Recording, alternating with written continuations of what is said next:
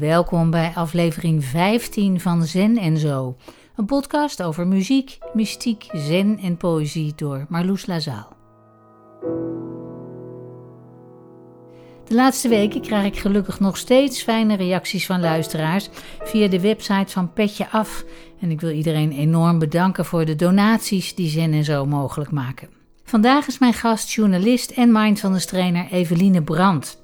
Ze schreef jarenlang voor de Groene Amsterdammer, Trouw en de Volkskrant, was columnist voor de Boeddhistische Omroep en Opzij, maar zei de fulltime journalistiek vaarwel en begon een praktijk als mindfulness trainer.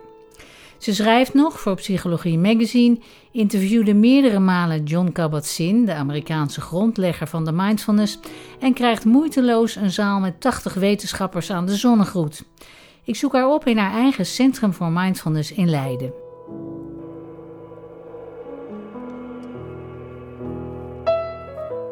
En het is heel stil, hè? Het is echt net een soort stadsoase hier. Ja, het is prachtig. En nu is het ook een mooie herfstdag. Het is een beetje zonnig en Ja. de, de, de blaadjes, eh, de bomen zijn al mooi rood geworden. Ja, we zitten midden in Leiden, maar het is toch doodstil. Dus ik ben er heel erg gelukkig mee met deze plek. En het grappige is, ik ken deze ruimte van televisie. Ja, ja. Want ik heb laatst nog even terug zitten kijken, de uitzending van eh, Paul Witteman Zoekt het Geluk. Ja, Dat is alweer vier jaar geleden volgens ja. mij. Die liep hier zomaar opeens rond met een cameraploeg.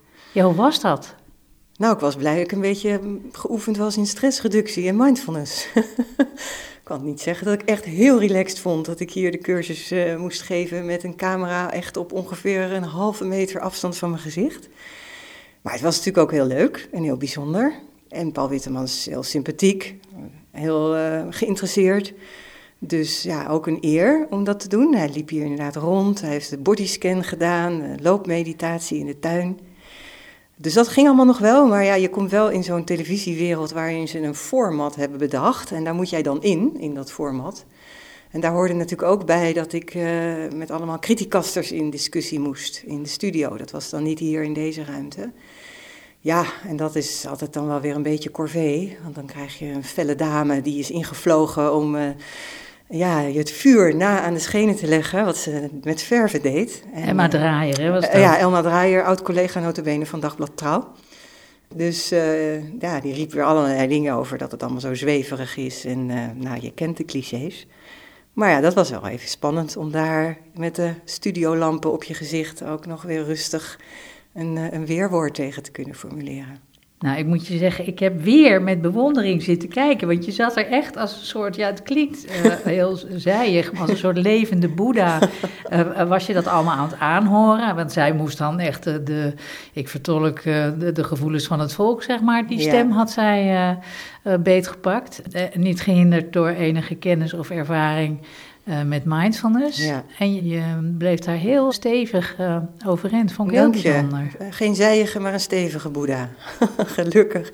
Ja, ik vat dat ook echt niet persoonlijk op. Dat, dat, is, denk ik, dat maakt een heleboel uit. Ik denk, ja, zij mag dat ook vinden. Dat, er zijn inderdaad in het volk veel meer mensen die dit zullen vinden. Dus het is eigenlijk wel heel respectvol om daar ook gewoon rustig en aandachtig op te reageren. Ik heb daar niet zo heel veel moeite mee. En ik doe het graag. Ik, wil, ik vertel ontzettend graag over hoe waardevol mindfulness is en wat het kan brengen. Dus ja, dan krijg je toch een fantastisch podium daarvoor. En heb je het gemerkt ook daarna? Kreeg je meer aanmeldingen voor, voor mensen die bij jou een eh, mindfulness training wilden volgen? Ja, zeker. Is- ik ben natuurlijk wel heel erg aan deze regio Leiden gebonden. Dus ze gaan echt niet vanuit Groningen hier naartoe komen om de cursus te doen. Maar ja, het is wel eh, iets voor je reputatie. En het geeft wel een soort serieuze imago, denk ik. Ja, dat eh, helpt wel. Het is wel een mooie promotie, om het maar zo te zeggen. Jij hebt, eh, de, de, het wordt inmiddels een soort running gag, de, de stapel boeken onder de microfoon. Ja, Het zijn bijna allemaal kabat-zins, Ja. zo te zien. Het handboek Meditatief Ontspannen. En daarboven nog... handboek Mindful Ouderschap. Ja, dus eh, ik dacht, eh, het is wel leuk om onder de microfoon de dikke John Kabat-Zinn te leggen. Want dat is natuurlijk eigenlijk de man met wie ik nu al een jaar of tien vrij intensief leef. Dat ik sinds tien jaar zijn mooie cursus mag geven. En eh, ik heb hem ook nog op andere momenten mogen ontmoeten. Ik heb hem geïnterviewd voor Psychologie Magazine. En we hebben twee dagen notabene samen een congres gedaan in de Rode Hoed. Daar was hij de hoofdspreker en ik was de dagvoorzitter. En dat was ook fantastisch om hem natuurlijk zo dichtbij mee te mogen maken en de discussies daar eh, te mogen leiden. Dus ik vond Jonka het zin voor vandaag wel een mooie ondersteuning voor onze microfoon. Er zullen ongetwijfeld veel mensen zijn die die uitzending niet hebben gezien. Maar Paul Witteman die kreeg natuurlijk de rozijn te eten. Dat was waarschijnlijk ook uitgezocht door de redactie, neem ik aan. Want het is zo'n emblematische oefening. Hè, dat je heel aandachtig een rozijn moet bekijken, beluisteren en dan heel langzaam uh, opeten. Dat is ook gelijk het beeld wat bij veel criticasters leeft van... ja, dan moet ik daar een beetje op een kussen, een beetje relaxed een rozijn gaan zitten eten. Wat heb ik daar nou aan? Ja, ja het is natuurlijk een heel makkelijk beeld om, om mee te spotten. Ik snap dat ook heel goed. Hè? En dan, ik heb het hier ook nog vaak hoor in de cursussen. Dan zit je hier met tien volwassen mensen een rozijntje te eten. En dan schiet er ook regelmatig nog wel eens iemand in de lach.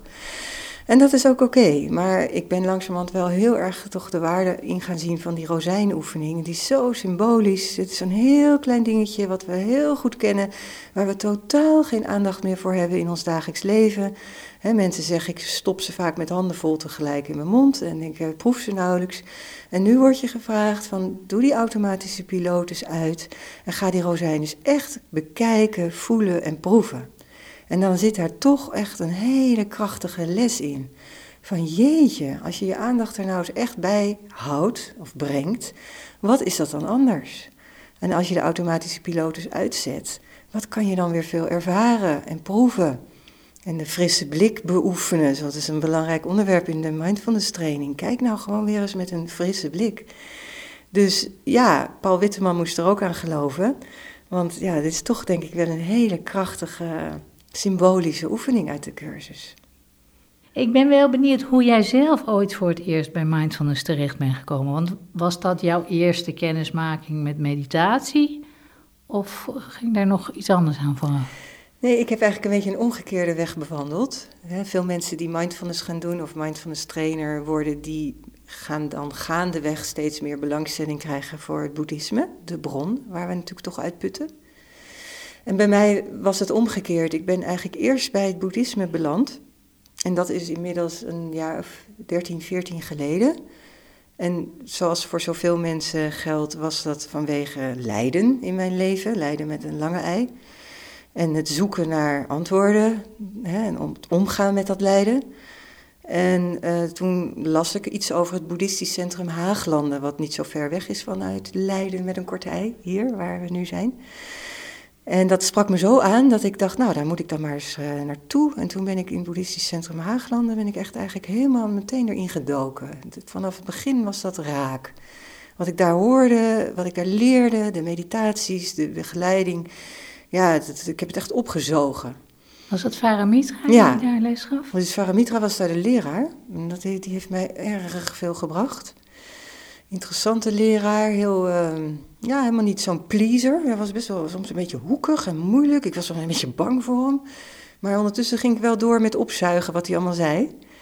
En heeft dat ook, het mediteren natuurlijk zelf, zoveel veranderd voor mij en zoveel goeds gebracht. Dat ik eigenlijk gaandeweg dacht van ja, ik zou dat eigenlijk tot mijn beroep willen maken. Ik wil eigenlijk die journalistiek verlaten waar ik tot dan toe in werkzaam was. En hoe zou ik dat dan kunnen doen? En eigenlijk hoorde ik toen pas van de mogelijkheid van ja, je kan mindfulness trainer worden. Dan sta je eigenlijk hetzelfde over te dragen, maar zonder dat we het boeddhisme noemen. Dus dat is eigenlijk de weg die ik uh, daarin heb afgelegd. En je zei al even, ik wilde de journalistiek achter me laten. Ik ben even toch uh, jou natuurlijk uh, gaan googlen. en ik kwam zulke mooie artikelen tegen, allemaal uh, interviews met mensen van, het, van het eh, podium. Hè? Eh, Jenny Arian, Willem Nijholt, een portret van journalist Tiziana Roos. Je hebt volgens mij ook verslaggeving vanuit Indonesië gedaan. Ja. Tenminste, een serie artikelen ja, wat goed die daar gebaseerd waren. Nou, nee, nee, maar de, ik, nou, ik dacht wel, oh, wat een. Ik dacht juist andersom. Wat, wat, een, wat een spannend en intrigerend leven. En wat een leuke mensen heb je allemaal kunnen ontmoeten. Uh, dan lijkt me nu het leven een stuk saaier. Oh nee, Marloes, echt niet. Leuk hoe je dat zegt. Ja, het was een fantastische tijd. Ik heb bij de Groene Amsterdammer inderdaad de meest uh, geweldige mensen mogen interviewen. Een hele avond doorgebracht met Remco Kampert. Een hele avond gek gelachen met Wim T. Schippers. Uh, nou ja, de mensen die jij noemde, van die grote interviews die ik daar mocht maken. Zelfs nog ook met Toon Hermans. Dat is ook heel bijzonder. En inderdaad, verslaggeving ook uit Indonesië. Dat was echt super fijn.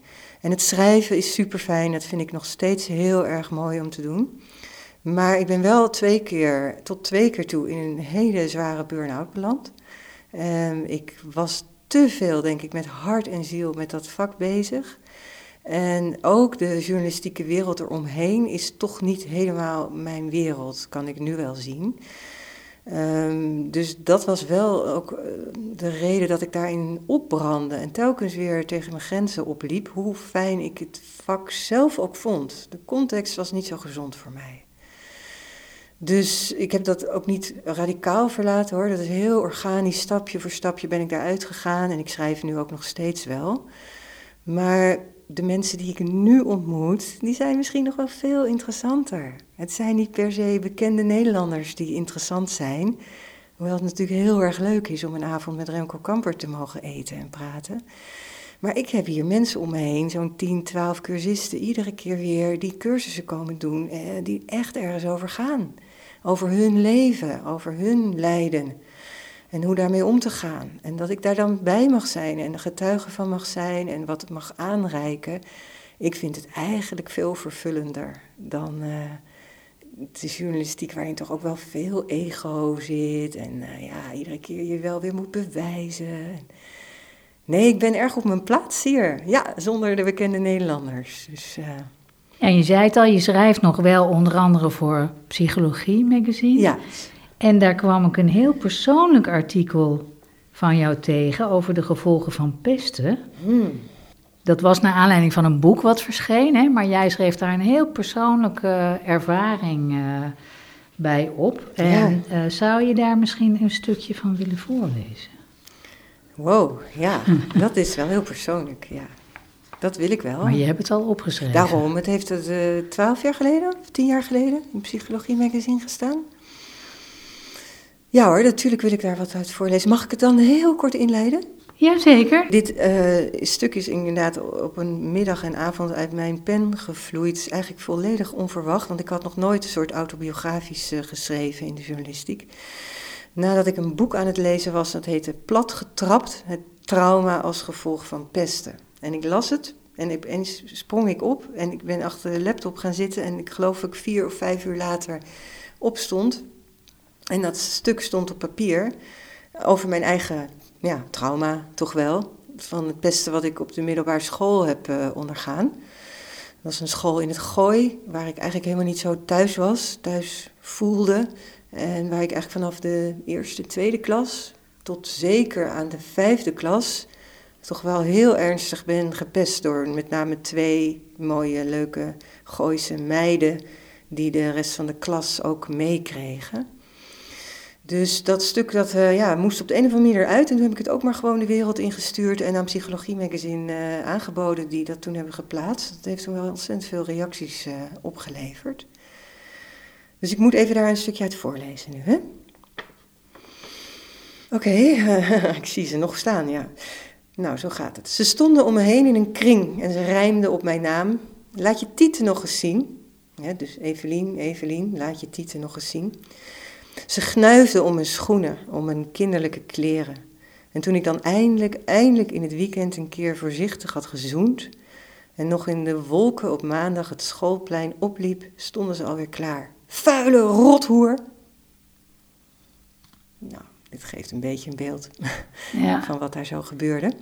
Ja, je beschrijft in het artikel een aantal situaties ook. Hè? Ook tijdens een biologieles waar een leraar een bakje met bloed, met varkensbloed had staan. Kan je dat uh, ja. even kort die scène vertellen? Ja, dat was denk ik wel een dieptepunt.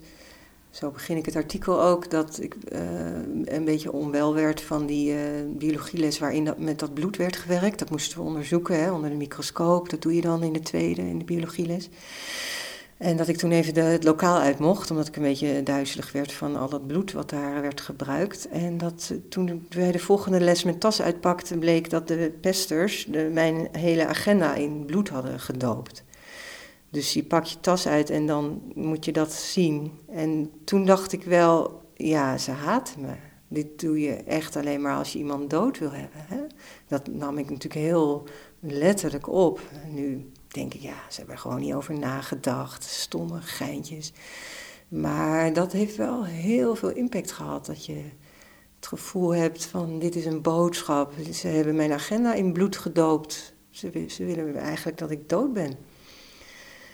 Ja, dus dat is wel een traumatische uh, ervaring geweest, denk ik. Maar is helemaal verwerkt hoor. Je hoeft je niet ongerust te maken. nou, om te lezen, ik, ik, was er heel erg door geraakt. En ook verbijsterd eigenlijk. Dat je denkt, hé, uh, gebeurde dat nog uh, redelijk kort geleden? Want het begin jaren tachtig op een school in het Gooi. Dat, dat, dat, dat, dat ja. leerlingen elkaar zo verschrikkelijk veel aandoen. Ja, ja. Ja, en dat, nou, dat gooien was natuurlijk, ja, het zal zeker ook nu nog gebeuren hoor, vrees ik, en op andere plekken. Maar dat gooien was natuurlijk ook wel echt een lastige omgeving. Zeker als je daar niet zo in matcht, in past. Was misschien wat alternatiever, wat, wat jonger. En die meiden en die jongens die daar opgroeien, die komen allemaal uit redelijk welvarende milieus. Er is veel geld, er is veel merkkleding, er is eigenlijk veel ego, veel poeha. En uh, ja, dat wordt uh, lekker geëtaleerd en afgereageerd op degene die daar niet zo in mee uh, kunnen. Dus ja, het was een, niet een veilige omgeving, om het maar zacht nee, uit te drukken. Nee. En, en later ben je ook, een van die vrouwen in ieder geval beschrijf je in dat artikel, nog weer tegengekomen. Hè? Je, je hebt ook gehoord ja. hoe, het, hoe hun leven verder ja. verlopen is. Dan krijg ik zelf ook weer even kippenvel, want het is dus eigenlijk heel erg slecht afgelopen, met name met een van hen. Die heeft het niet overleefd.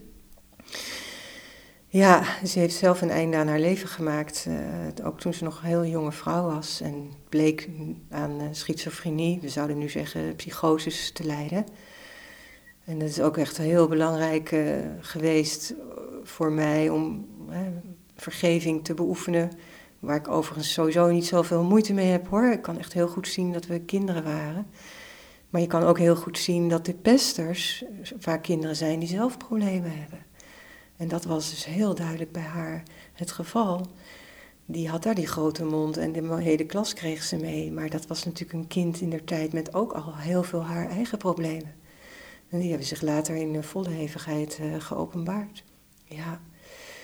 Dus het is echt een hele interessante oefening ook in vergeving. En uh, dat heeft notabene, het is interessant dat je dit stuk nu opgediept hebt, want het heeft net twee weken geleden voor mij een staartje gekregen. Namelijk doordat er een e-mail in mijn mailbox plofte van een jongen uit mijn klas. Ik zag die naam, nou die had ik dus 40 jaar niet gezien. En dat was degene van die agenda met dat bloed. En die heeft uh, mij in een bijzonder attente en vriendelijke mail eigenlijk letterlijk om vergeving gevraagd. Ik wist niet wat ik las hoe erg hij het vond. Dat had het stuk ook toevallig net onder ogen gekregen. Dat hij het niet voor me op had genomen, dat hij had meegedaan. Hij zei, ik vrees dat ik dat was, hè, met die agenda. Ik herinner het me. Nou ja, dus het was voor mij eigenlijk wel een enorm cadeau. Ik heb hem heel erg bedankt. Ja? Ook gezegd van, nou, no hard feelings. We waren kinderen. En, maar wat geweldig dat je me dit laat weten. Goh, ja. wat bijzonder. Ja, zo heel ja. bijzonder, ja. Ja. Denk je dat daar iets ontkiemd is wat je later op, op het pad heeft gezet om eh, op zoek te gaan in ieder geval naar... Nou, het was wel, er is wel lijden ontkiemd daar. En dat heeft wel veel impact gehad. Ik ben daar wel echt beschadigd uitgekomen. En het heeft wel heel erg lang doorgewerkt, ook in mijn studententijd, waar ik me vreselijk eenzaam heb gevoeld en uh, lang heb geworsteld. Ook nog wel toen ik al eenmaal werkte in die fantastische journalistiek en, en kinderen kreeg. En ja, doordat er ook toch telkens weer een crisis kwam, en weer burn-out was, veel pijnklachten ook ontwikkelde, ben ik wel inderdaad op een gegeven moment aan die zoektocht begonnen van hoe ga je om met lijden in je leven. En dat is een vraag die in het gooi, met al zijn materiële mooie omstandigheden ook eigenlijk niet zoveel wordt gesteld. Ik ben daar niet opgegroeid met een, eigenlijk een goede levensfilosofie of een religie en zelfs eigenlijk niet een ethiek waar je houvast aan ontlenen. Dus er was een grote houvastloosheid en behoefte aan antwoorden. En dat heeft mij zeker ja, tot die zoektocht uh, geïnspireerd, die uh, ja, in het boeddhisme uitmonden. Ik ben dan ook nog even nieuwsgierig of dan bijvoorbeeld zo'n moment dat je zo'n uitzending doet met Paul Witteman, dat je iets in jou denkt. Kijk, uh, het, het, is met mij toch wel heel erg goed gekomen. nee, eerlijk gezegd niet. Ik wil niet de heilige spelen, maar dat heb ik eigenlijk niet meer. Nee, ik geloof echt dat ik zo hersteld ben en dit heb verwerkt, dat ik ook niet, ook niet meer de behoefte voel mijn lange neus te maken naar de mensen in het gooien van Tada, kijk nou, ik zit lekker bij Paul Witteman. Nee. Nee, gelukkig niet eigenlijk. Wat vond je concreet in dat boeddhisme waardoor je beter met dat lijden om kon gaan? Ja, echt heel veel. Wat ik zei, ik heb het echt opgezogen, die hele boeddhistische leer. Ik denk dat ik een hele steile leercurve had de eerste paar jaar. Uh, ja, het boeddhisme, ja, ja, de eerste edele waarheid. Hè. Er is lijden in het leven. En uh, dat te erkennen en te herkennen en te leren kennen. Dat alleen al. Nou, dat is wat we ook doen natuurlijk in meditatie. Meditatie is jezelf leren kennen, eigenlijk heel kort. Je, je, gaat een intiem contact aan met jezelf. En ja, doordat je die ervaringen ook uit het verleden gaat herkennen en erkennen, ja, kan er ook iets helen. Dus dat heb ik daar heel erg in gevonden.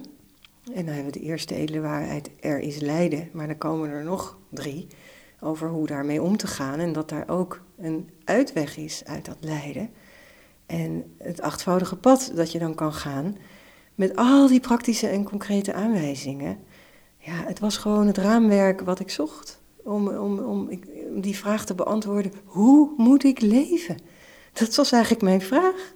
Wist ik niet. Hoe moet ik leven? Hoe moet ik omgaan met lijden? En natuurlijk ook uh, het ontwikkelen van compassie. Voor jezelf en je eigen lijden en voor de ander. En kan je voor mensen die dat niks zegt, een paar van die uh, stappen uit dat achtvoudige pad opnoemen? Wat, wat zijn dat dan bijvoorbeeld? Ja, nou, het achtvoudige pad is eigenlijk dus hele concrete aanwijzingen van, ja, het is leuk dat mediteren en prachtig, dat brengt je vast allemaal heel erg veel, maar probeer het ook maar in je dagelijks leven te brengen. Hè?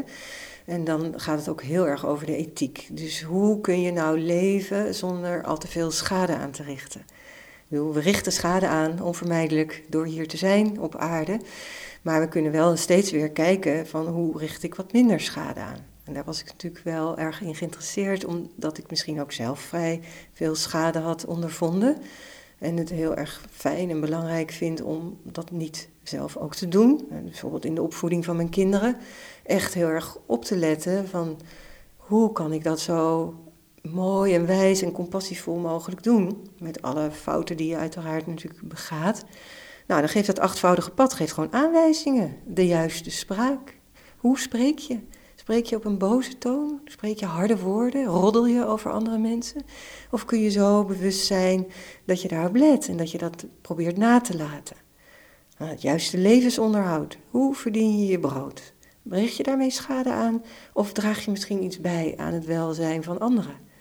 En dat is ook voor mij een heel interessante stap geweest, zeg maar, uit die journalistiek, die niet per se schadelijk is, maar ja, toch de wens om wat meer bij te dragen aan het welbevinden van anderen.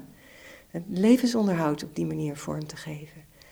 En zo geeft dat achtvoudige pad eigenlijk allemaal heel concrete, praktische aanwijzingen hoe te leven en hoe de ethiek in je leven te brengen, ja, die voor je eigen geest heel heilzaam zijn.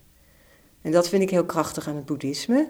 Er wordt niet gezegd, nou, tut, hier zijn de tien nieuwe geboden, je moet je er echt aan houden en anders kom je in de hel. Nee, daar gaat het helemaal niet om. Het gaat erom, hoe is dit voor jouw eigen gemoedsrust? Lig jij er misschien zelf wakker van als jij overdag iemand hebt uitgescholden? Is het misschien voor jouw eigen geest en gemoedsrust misschien niet veel fijner om de juiste spraak te beoefenen? Ja, het, het grappige is, ik merk nu al een beetje als je dat uh, voorbeeld uh, vertelt van, oh, dan lig je s'avonds in bed en dan heb je misschien een conflict veroorzaakt of je hebt iets naars gezegd over iemand. En dan gaat er bij mij gelijk iets kriebelen. Denk, ja, maar dat gebeurt toch heel vaak gewoon. Uh, ik heb ook jouw uh, laatste, of een van de laatste, denk ik, podcast beluisterd over vreugde. Oh ja. en die doe je, dat is geloof ik niet de gewoonte, hè, maar deze deed je helemaal alleen. Ja, zonder Joost. Want ja. normaal doe je het met Joost van de Heuvel Reiners ja. samen. Ja. En toen kwam er een punt, nou, het thema was dus vreugde. En je benoemde ook het voelen van medevreugde in een bepaalde situatie in plaats van jaloezie. Ja. En toen dacht ik, nou, hè, als ik, als ik, en wat het gekke is. wat dat dacht ik, je dan? Nou, met de jaren lijkt het wel alsof ik uh, jaloerser word oh, op mensen. Oké. Okay. Uh, uh, ook omdat ik nog on the sideline probeer ik nog een beetje een muzikale carrière weer op touw te zetten. Dat is iets wat, wat, wat ik vroeger veel gedaan heb. En dat is natuurlijk op een bepaalde leeftijd al een stuk moeilijker. Maar dat is helemaal een slangenkuil natuurlijk, ja. die wereld. Oh. Daar ben je met z'n allen uh, aan het zoeken naar dezelfde plekjes op dezelfde kleine podia. Nou ja, nu is het natuurlijk helemaal dramatisch. Ik, ik merk bij mezelf dat ik de laatste tijd bijvoorbeeld bepaalde mensen op Facebook voor de zekerheid niet meer volg. omdat ik er niet tegen kan. Ja. Als iemand dan heel enthousiast, ja, we hebben een optreden in daar en daar. En dat ik dan helemaal bijna groen word van jaloezie. Ja, jaloezie is groen, hè? Dat is groene gif. Ja, ja. ja. Nou, de, ik sta daar eerlijk gezegd van te kijken. Ik denk, nou zeg, ben ik daar nou nog niet overheen. Dus ik vond het heel interessant toen jij uh, uitgerekend uh, over jaloezie uh, in jouw podcast te spreken kwam. Uh, maar toen dacht ik, nou, medevreugde. Een beetje ervaren. ja, ja. ver weg nog. Nou, maar daar geldt hetzelfde voor, denk ik. Uh, ten eerste, allereerst is het denk ik belangrijk om te zeggen dat het natuurlijk heel menselijk is. En dat je met veel mildheid, met mateloze mildheid, zoals Edelmaaks het zou zeggen, mag kijken naar je eigen jaloezie.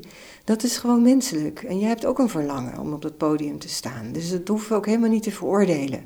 Het is niet slecht om jaloers te zijn. Maar het tweede punt is weer datzelfde wat die Boeddha benadrukt. Hoe is dat dan voor jouw eigen welbevinden? Waar slaap je lekkerder op? Op jaloezie of op medevreugde? Dus blij zijn voor de ander. Ja, en dan kun je het antwoord natuurlijk ook wel redelijk snel vinden. Op jaloezie slapen we niet zo lekker. Dat geeft onrust, verlangen, ja, afkeer misschien van de ander. En daar um, hebben we dus zelf van te lijden, hè? onze eigen geest. Nou, in het boeddhisme worden dus allerlei manieren en echt letterlijk oefeningen aangereikt om daar een beetje tegenwicht aan te ontwikkelen. En één daarvan is dan medevreugde. Het je verheugen in het succes van de ander. Blij zijn voor de ander dat het hem of haar goed gaat. En dat is gewoon hartstikke moeilijk. Dus dat mogen we ook erkennen. Dat dat misschien ook soms wat hoog gegrepen is. Dat als ik al jarenlang alleen ben en mijn vriendin vindt opeens de meest uh, fantastische, ideale partner, dat ik daar ook eens wel even moeite mee zal hebben. En jij met het zingen, of ik geef maar zomaar een voorbeeld. Maar het is wel een hele heilzame manier, ook voor onze eigen gemoedsrust en ons geluk, om te oefenen in het medevreugde. Het kijken van kan ik ook blij zijn voor die ander. Maar zitten daar nog stappen tussen? Want ik zit dus nog helemaal groen van jaloezie achter mijn laptop te kijken naar dat bericht van, joh, fijn, we mogen weer, we gaan daar en daar spelen. Hoe kom ik dan van daar naar medevreugde met die vrouw die dat concert gaat staan spelen op de plek waar ik wil staan? Ja, ik denk dat de eerste belangrijkste stap is, is gewoon op te merken wat dit met jou doet. En je daar bewust van te worden en daarnaar te kijken met die mateloze mildheid. En dan verder niet te veel nog te hoeven streven naar dat medevreugde. En je kan ook natuurlijk je geest beschermen. Je kunt ook gewoon inderdaad niet meer kijken op Facebook. Dat is ook een optie. We kunnen onszelf ook beschermen tegen de dingen die gewoon echt heel erg moeilijk voor ons zijn. Als ik nu heel erg boos ben op iemand, dan is het misschien heel wijs om die persoon gewoon eens even een poosje te vermijden. Dus we hoeven niet zo hard te streven en te werken en we hoeven geen heilige te worden. En misschien voel je wel nooit medevreugde. Nou, prima. Maar dan kan je in ieder geval met mildheid kijken naar, oh ja, nou, dat is pijnlijk voor mij. Ja, die mateloze mildheid, die benadrukt Edelmaaks altijd. Hij is natuurlijk en boeddhist en mindfulness trainer en psychiater. En dat is zo wijs om die ondertoon steeds te houden, denk ik. Nou, het grappige was, ik kwam ook vrij recent een stukje tegen, ook weer in de trouw trouwens, waarin Leonie Jansen, de zangeres, een theatermaakster, Ja. eh, nou, eh, eigenlijk werd gevraagd hoe het nu met haar was in de, in de huidige coronatijd. En nou ja, ze zegt, mijn, mijn huidige gemoedstoestand is stress. Zij, zij haalt dat ook aan, hè, hoe je nou je zelfwaardering tegenwoordig, zeker als artiest, ook moet halen uit hoe vaak word ik eh, beluisterd op Spotify? Heb ik wel genoeg volgers op Instagram? Eh, ben ik wel genoeg in beeld? Eh, zij haalt op een gegeven moment het boek van Christine Neff aan over zelfcompassie. Ja. Nou, ik vond het zo interessant, want zij heeft het dan over zelfvertrouwen en hoe je dat op een soort oneigenlijke manier opbouwt, Mhm. do- door dat afhankelijk te maken van die, van die factoren van buitenaf. En hoe je daar zelfcompassie tegenover kunt zetten. Ja. Eh, kan je daar iets eh, Ja. over zeggen? ja, ik heb het gelezen en ook doorgestuurd naar alle cursisten die hier op dit moment de zelfcompassiecursus eh, doen. Want het was natuurlijk heel leuk dat zij er zo over sprak. Het begint ook echt wat bekender te worden, het begrip zelfcompassie, steeds wat meer op te duiken. Ik denk in de voetsporen van mindfulness, dat zo populair is. Wat zij beschrijft is denk ik heel eh, treffend dat zelfwaardering, soms ook zelfvertrouwen, dat is eigenlijk een beetje voorwaardelijk. Dat komt vaak van buitenaf. En dat gaat een beetje over hoe vaak worden we beluisterd op Spotify, hoeveel vrienden hebben we, hoeveel rimpels hebben we. Er is een soort maat en getal, daar ligt daaronder. En daar maken we onszelf afhankelijk van. Zelfcompassie is onvoorwaardelijk. Het is liefde voor jezelf in al je facetten en ook je mindere kanten en ook je rimpels en ook je blunders en alles dat wat we eigenlijk zo geneigd zijn ook om af te keuren. Dat is in zelfcompassie de oefening van dat mag er ook zijn. Dat verdient ook onze liefde en mededogen. En dat is een hele grote stap voor heel veel mensen. Deze cursus is echt voor mensen heel pittig vaak, maar die kan ontzettend veel veranderen. Als je die knop langzamerhand kan gaan omzetten van de zelfafkeuring naar de zelfwaardering of de zelfcompassie, ja, dan kan er echt fundamenteel iets veranderen in je leven. En dat heb ik eigenlijk ook zelf heel erg ervaren. En dat is prachtig om ook over te mogen dragen aan, eh, aan cursisten die hier komen. En is dat niet nog een tandje softer dan de mindfulness training? Er staat hier een hele boekenkast vol, zoals je ziet. Er gaat ook heel veel over waarom zelfcompassie niet soft is. Als iemand eindelijk eens een keer van zichzelf leert te houden, dan gaat die persoon daardoor ook steviger staan. En dat is dus alles behalve soft. Het is heel krachtig. Want je begint eindelijk ja, jezelf belangrijk te vinden. Niet meer af te keuren, af te kraken. Je gaat hopelijk zelfs meer van jezelf houden. En je gaat dus voelen van, wat deze persoon hier nu wil van mij, dat is niet oké. Ik wil dit niet. Ik ga daar nee tegen zeggen. Of ik wil die baan niet meer. Of ik wil niet dat die baas zo tegen mij snauwt. Dat pik ik gewoon niet meer, want ik ben belangrijk. En daarom is zelfcompassie helemaal niet soft. Het is heel krachtig. Nu heb jij uh, onlangs samen met Joost van de Heuvel-Reinders, waarmee je trouwens ook betrokken bent bij 30 Now. Ja. Dat is een platform waar ongeveer, nou, bijna dagelijks geloof ik, Ja. hè, uh, online meditaties te vinden zijn door een, een heel scala aan uh, leraren. Ja. Ook uit allemaal verschillende tradities. Gigantisch aanbod hebben jullie. Ja. Want ik krijg regelmatig die mailtjes. Ik denk, oh, nu weer die. Ik kan het gewoon helemaal niet bijhouden. Nee, het is te veel. Je te moet er vrij voor nemen Ja, eigenlijk. ja, ja. Maar het is heel bijzonder. Eh, maar samen met Joost heb je onder andere een boek geschreven, Terug naar de Markt. De titel deed mij heel erg denken aan een zen-parabel, Ja. hè, de, de, de plaatjes van de os. Waar, daarin staat terug naar de markt gaan. Heel in het kort voor degene die een, een soort eh, eenheids- of verlichtende ervaring heeft gehad. En daarna gewoon weer terug naar de markt moet met zijn voeten in de klei. Klopt. En eh, weer terug naar af, zeg maar. Ja. Is het ook een zen-geïnspireerd boek? Nee, Joost en ik eh, die eh, zijn meer geworteld in de Vipassana-traditie. Maar wel zo inderdaad bezig met het beoefenen van eh, de boeddhistische inzichten en de meditatie in het dagelijks leven. Hij al helemaal, want hij staat voor de klas met 30 pubers geschiedenis te geven, dag in dag uit. Dat het ons een hele leuke metafoor leek, die terug naar de markt. Van ja, dat gebruiken we als titel, want dat is wat we ook willen vertellen in dit boek. Echt hartstikke mooi, die boeddhistische leer en meditatie vooral helemaal doen. Maar hoe breng je dat dan je dagelijks leven in? Het is eigenlijk makkelijk om je terug te trekken in een klooster en daar de hele dag zen te gaan zitten zijn en verlichtingservaringen te hebben. Dat is misschien eigenlijk gewoon makkelijker dan het te doen en het te, uh, te belichamen voor zo'n klas met 30 ongeïnteresseerde pubers die jij mee moet nemen in je geschiedenislessen. Of ik met mijn twee kinderen in de opvoeding of met mijn cursisten. Daar komt het erop aan. Om het echt te leven en te belichamen. Dus daarom hebben we die titel gekozen voor het boek.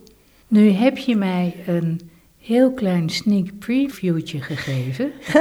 Van het nieuwe boek. Van het nieuwe boek wat gaat verschijnen, waar ik heel erg nieuwsgierig naar ben. Dat borduurt een beetje voort op het eh, eerste boek met uh, Joost van Heuvelreinders. En dat heet Terug naar het hart. Yes. In plaats van naar de markt. Ja. En gaat dat ook over zelfcompassie? Het gaat over compassie, zelfcompassie, uh, meta-meditatie, de liefdevolle vriendelijkheidsmeditatie. Het gaat over vergeving. Het gaat eigenlijk over al die hartskwaliteiten.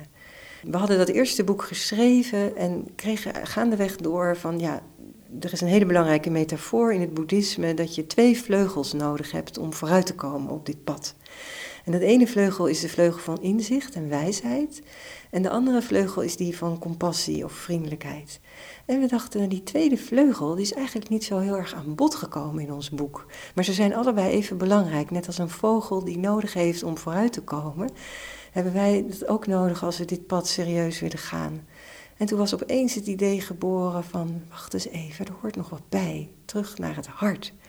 En daarin zijn we nu juist al die ook die zachtere kanten van compassie, medevreugde ook, hè, vergeving, die zijn we daarin aan het uh, onderzoeken en beschrijven. Ja, daar ga ik weer helemaal van stralen, want uh, dat is ook zo vervullend om daar zelf mee bezig te zijn. Maar het boek is nog niet af hoor, dat kost, we zijn nu op de helft ongeveer. Dus ik hoop 2021 dat het dat het er ligt. En weet je al wanneer ongeveer in 2021? Nou, de uitgever wil wel graag gauw, dus ik hoop voor de zomer dat het er dan wellicht. Dus ja, je bent de eerste die het hoort. Ja, nou ik kijk er echt naar uit. Leuk. Ik heb al een beetje iets van de cover mogen zien. Ja, nou, nou die ziet er eh, mooi uit, toch? Ja, ja. Merk jij nu ook dat uh, mindfulness en wellicht ook zelfcompassie ondersteunend kan zijn in deze periode? Want we hebben net weer zo'n persconferentie achter de rug waar allemaal nieuwe restricties naar voren kwamen. Wat toch ook de angst heel erg voedt. Want ja, dat virus is dus onder ons en dat vermenigvuldigt zich. Je ziet het niet. Wat moet ik doen? Moet ik nu helemaal alleen maar thuis blijven? Wat kan je dan bijvoorbeeld met mindfulness? Ja, als ik voor mezelf spreek, dan helpt dat mij nu enorm om, ja, het klinkt is een beetje een modieuze zinsnede geworden, maar om echt in dit moment te blijven. En dat is juist in zo'n spannende periode, is dat wel echt heel erg helpend om niet vooruit te denken en vooruit te tobben en te kijken van hoe gaat dat verder? Wat ben ik dan straks met kerst en zit ik dan weer alleen? Of hoe moet dat dan met mijn cursussen? Krijgen we dan straks weer een lockdown? Nee, ik kan het niet eens meer. Ik leef echt gewoon per dag en ik kijk naar wat er nu is en wat is er nu nodig. En dat is wel wat de beoefening van mindfulness en meditatie voor iedereen kan brengen. Als je het echt serieus deel maakt van je leven, hè, dan kun je met je aandacht zoveel mogelijk in dit moment blijven of daar telkens weer naar terugkeren. En dat scheelt een hoop nodeloos gepieker en getop, want we weten het niet. We weten het niet. En daar had ik heel veel vrede mee, dat we het niet weten. En dat ik daar geen controle op heb en dat ook niet hoef te hebben. Ja, ik hoop dat mindfulness en meditatie dat ook voor anderen kan betekenen. Dat is natuurlijk wel waarom ik het zo graag overdraag. Ik ben heel erg benieuwd, dat vraag ik aan al mijn gasten, wat het muziekstuk is wat jou op dit moment inspireert of vrolijk maakt of wellicht juist verdieping brengt. Ik ben zelf een enorme fan van uh, Spinvis. De Nederlandstalige muzikus die eigenlijk heel poëtische teksten maakt. En ik vind eigenlijk bijna al zijn nummers en cd's geweldig. Maar hij heeft één nummer, het is best wel een beetje een hard nummer. En het heet Heel Goed Nieuws. En waarom het me hier ook zo leuk leek om het te laten horen, is dat ik de tekst zo boeddhistisch vind. Want hij zingt eigenlijk in dit nummer dat alles voorbij gaat, dat de tijd zal verkruimelen in je hand, dat vrienden vreemden zullen worden uh, en dat dat heel goed nieuws is. En dat klinkt heel paradoxaal, want we willen dat niet, dat alles voorbij gaat, we willen alles vasthouden. Maar het is natuurlijk een ultieme boeddhistische boodschap, die ook Pema Chodron in haar boeken heel erg veel verkondigt. Alles stort in en er bouwt zich weer iets nieuws op. En dat is hoe het gaat. En dan is één regel in, en dan zegt hij: Neem maar afscheid van degene die je altijd wilde zijn. En ook dat, zo'n soort, soort beeld van jezelf, een soort ego, een soort vaststaand plaatje. Neem er maar afscheid van. We hebben geen controle, alles is vergankelijk. En hij voegt daar dan aan toe, en dat is heel goed nieuws. Gaan we naar luisteren.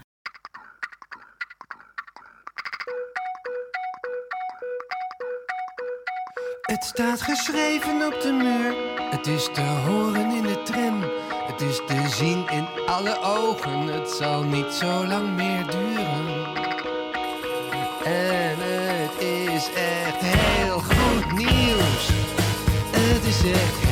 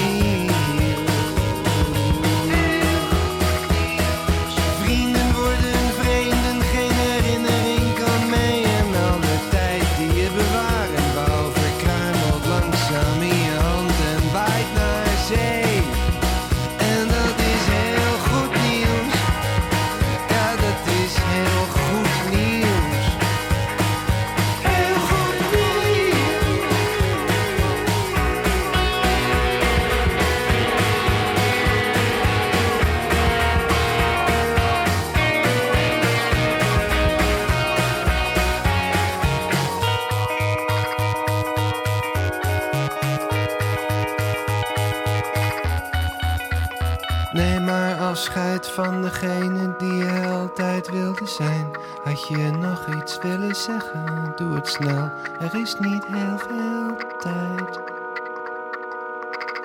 Want de wolken worden donker en de storm komt dichterbij.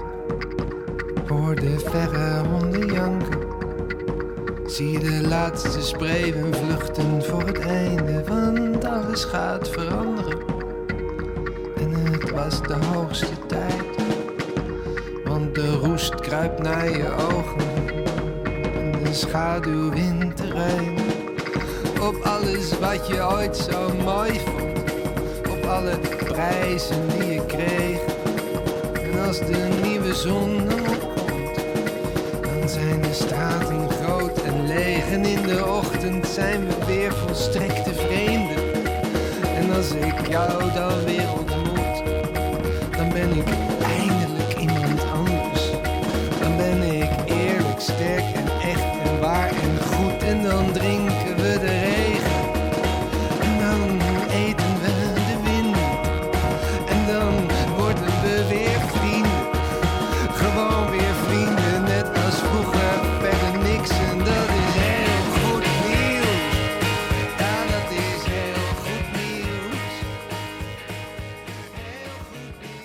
Ik ben ook benieuwd of er uh, naast uh, deze fijne muziek van Spinvis nog een zin is, een quote, een gedachte, een gedicht wellicht, uh, wat je ons in deze komende coronatijd wil meegeven.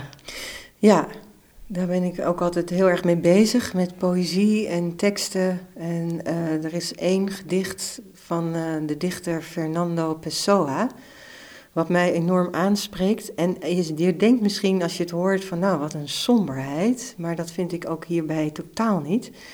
Het gedicht heet Wanneer de lente komt. En het gaat erover dat hij een enorme vreugde zou voelen bij de gedachte dat zijn dood volstrekt onbelangrijk zou zijn. Dus hij schrijft, hè, wanneer de lente komt en ik dan al dood ben, nou dan werkelijkheid heeft mij helemaal niet nodig. Ik voel een enorme vreugde bij de gedachte dat mijn dood volstrekt onbelangrijk is. En dan is er een regel die mij enorm aanspreekt en die ik eigenlijk ook heel vaak mezelf help herinneren. Want alles is werkelijk en alles is zoals het moet zijn.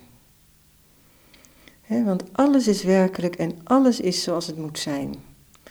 En dat is een soort wijsheid van, ja, je hebt geen controle, je hoeft niet proberen controle te houden. Alles is zoals het moet zijn, het zal zich wel ontvouwen.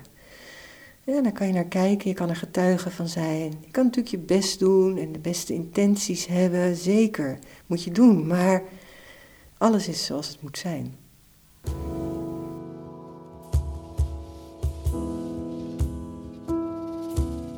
Je hoorde een gesprek met journalist en mindfulness trainer Eveline Brandt. Ze geeft haar trainingen in Centrum voor Mindfulness Leiden en het boek Terug naar het Hart verschijnt medio 2021 bij uitgeverij Melinda.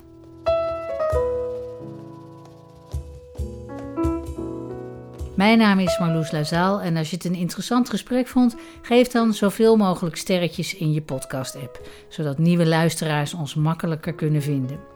En als je een kleine bijdrage in de kosten wilt geven, is er een doneerknop voor Zen en Zo bij Petje Af. Petje Af slash Zen en Zo.